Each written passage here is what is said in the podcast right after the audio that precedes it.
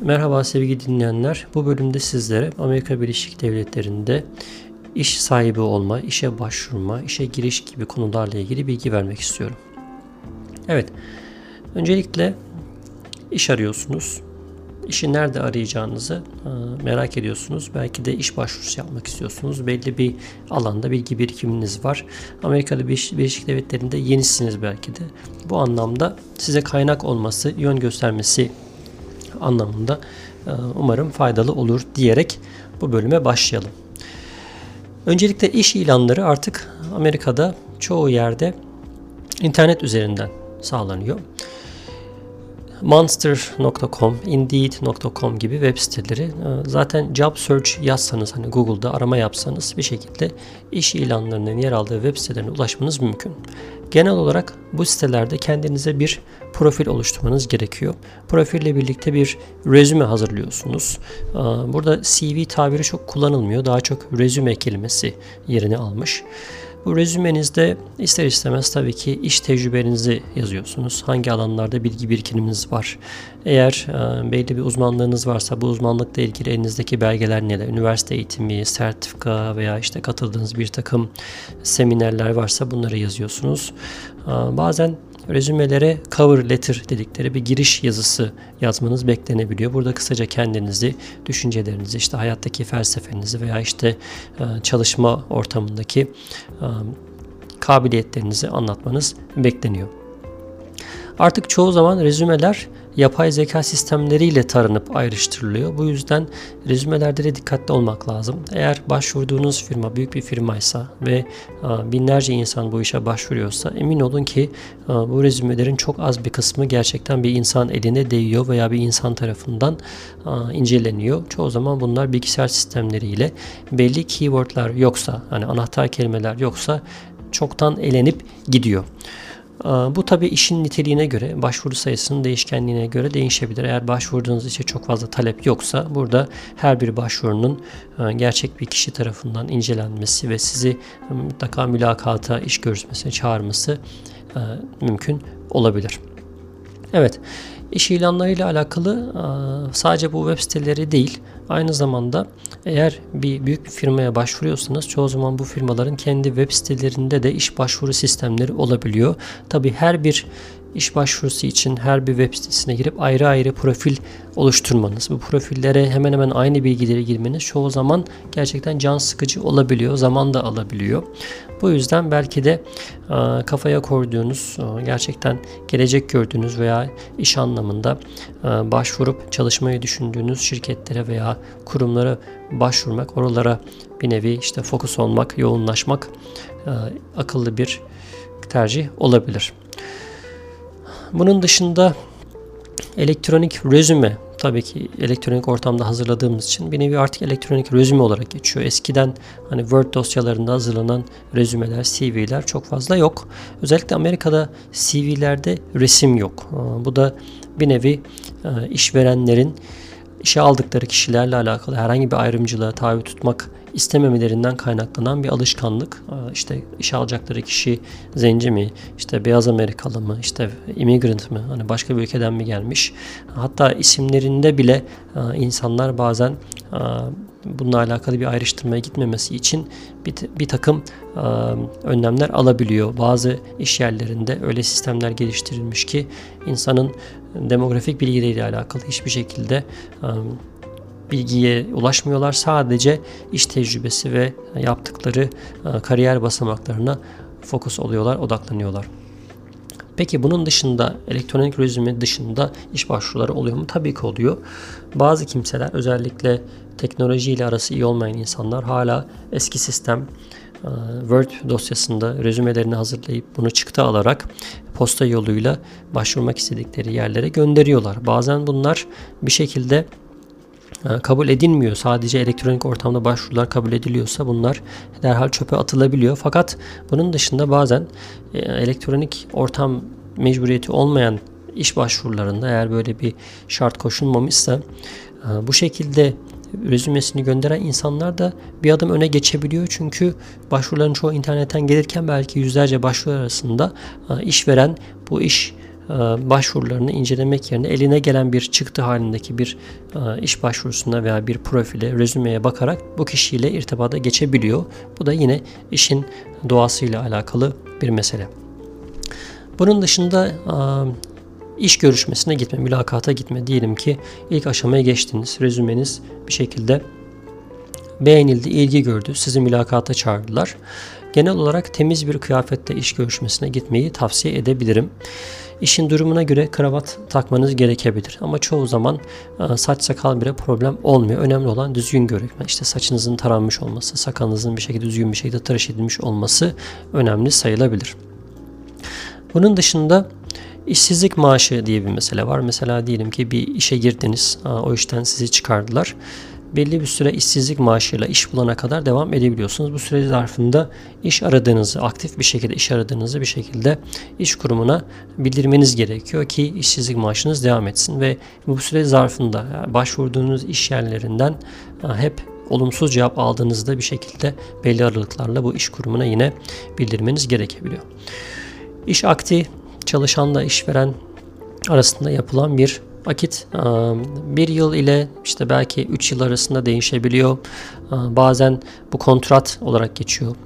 Kontratta yıllara göre mesela sizi diyelim uzun vadede iş yerinde görmek istiyorlar, çalışmanızı istiyorlar. Yıllara göre işte maaşınızda belli oranlarda zam yapacağını bu iş akitlerinde belirtebiliyorlar. Diyelim ki sizi 65 bin dolarla işe aldılar. Önümüzdeki sene işte maaşınız 2500 dolar artacak. 3 sene sonra işte bir 5 bin dolar daha artacak şeklinde bir nevi sizi bağlama ve uzun süreli e, o kurumda sizi çalıştırma, istihdam etme niyetiyle bu tip kontratlar hazırlanabiliyor. Bunun dışında iş yerlerinde sendikalar var. E, her yerde olmasa da e, sendikalar genel olarak Amerika'da güçlü. Sendikalar Türkiye'dekinden farklı bir şekilde çalışıyor ama genel itibariyle sendika çalışanları sendika tarafından temsil edildiği için herhangi bir anlaşmazlık durumunda veya işte maaşların düşük olması veya belli yıllarda toplu sözleşmelerde istedikleri e, maaş artırımını elde edemedikleri durumlarda sendikalar devreye girip e, işçinin e, biraz daha daha iyi koşullar çalışması için mücadele edebiliyor.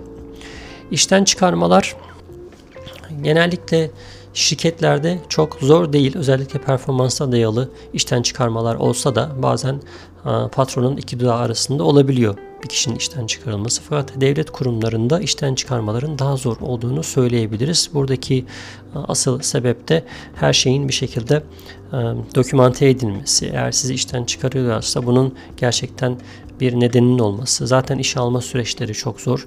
İşten çıkarma da buna paralel olarak özellikle devlet kurumlarında daha zor ve gerçekten elinizde ciddi bir delil olması lazım, yeterli miktarda belge olması lazım. İşinizi yapmadığınıza dair performansınızın düşük olduğuna dair gerçek anlamda bir takım kanıtlar olması gerekiyor.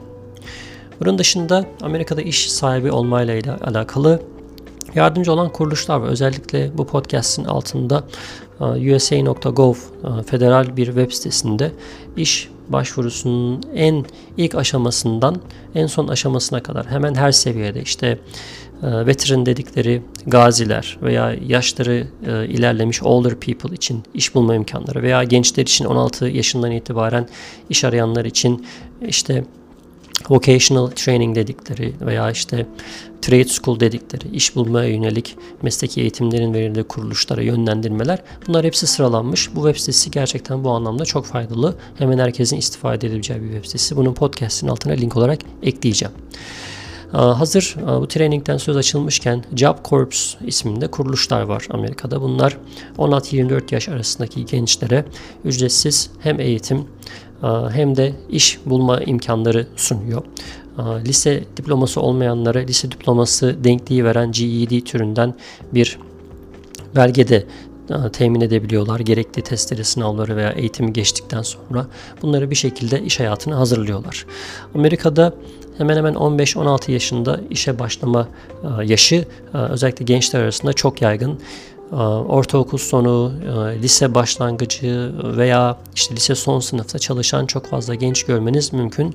Bunun sebebi de ister istemez tabii çalışan iş gücüne dayalı ekonominin bu temeller üzerine kurulmuş olması özellikle kapitalist sistemde hemen herkesin bir şekilde çalışması hatta kimi insanların belki birden fazla işte çalışması bir şekilde ekonominin dönmesi anlamında önemli bir unsur.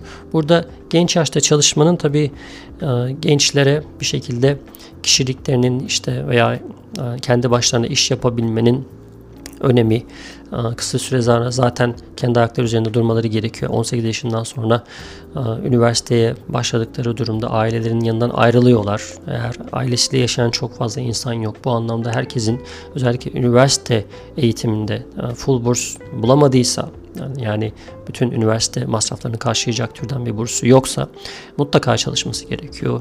Hem üniversite masraflarını ödemesi noktasında hem de hayatını sürdürmesi noktasında. Özellikle de ailenin yanında yaşamıyorsa, kendi başına veya arkadaşlarıyla yaşıyorsa işte ev kirasını ödemesi, yemek masraflarını karşılaması, bir yandan da okul masraflarını karşılaması için mutlaka çalışması gerekiyor. Genelde gençler 15-16 yaşlarında geçici işlerle çalışmaya başlıyorlar. Bunlar işte McDonald's'ta kasiyerlik yapma veya pizza dağıtımı gibi geçici işler olabiliyor. E, gençlerin 18 yaşındaki yani ve 18 yaşın altındaki insanların özellikle öğrencilerin, lise öğrencilerinin haftalık belli saat üzerinde çalışma e, izinleri yok. Çünkü full time öğrenci olmaları gerekiyor bu yaşlarda. Amerika'da bir de emeklilik meselesi biraz farklı. Hemen hemen 65 yaşından önce emekli olan kimse yok gibi. Eğer varsa da emeklilik maaşınız oldukça düşük olabiliyor. Sosyal Güvenlik Kurumu'nun sağladığı imkanlar özellikle emeklilikten sonra emeklilik maaşı anlamında çok yeterli değil.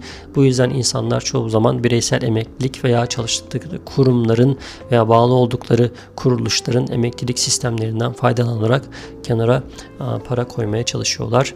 401k türü bilinen bir takım fırsatlar da var. Bunlar belli anlamlarda yatırım şirketleri sizin emeklilik kesintinizi bir şekilde fonlara işte farklı finans yatırım araçlarına yönlendirerek emeklilik yaşına geldiğinizde ciddi miktarda kendinizi güvence altına alabileceğiniz bir miktar paranızın kenarda olması noktasında size faydası olabiliyor.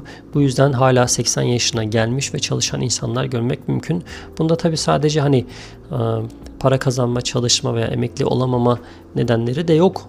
80 yaşındaki bir insan çalışıyorsa çoğu zaman yalnızlıktan, tek başına kalmaktan sıkıldığı için bu tip işlerde veya işte geçici işlerde günün işte belli saatlerinde veya gönüllü işlerde de çalışabiliyor bu insanlar. Sırf hani evde yalnız kalıp işte ki bunalıma gitmeme noktasında sürekli hayatın içerisinde olma bir şekilde o, o düzenin devam etmesi için bu insanlar çalışabiliyorlar.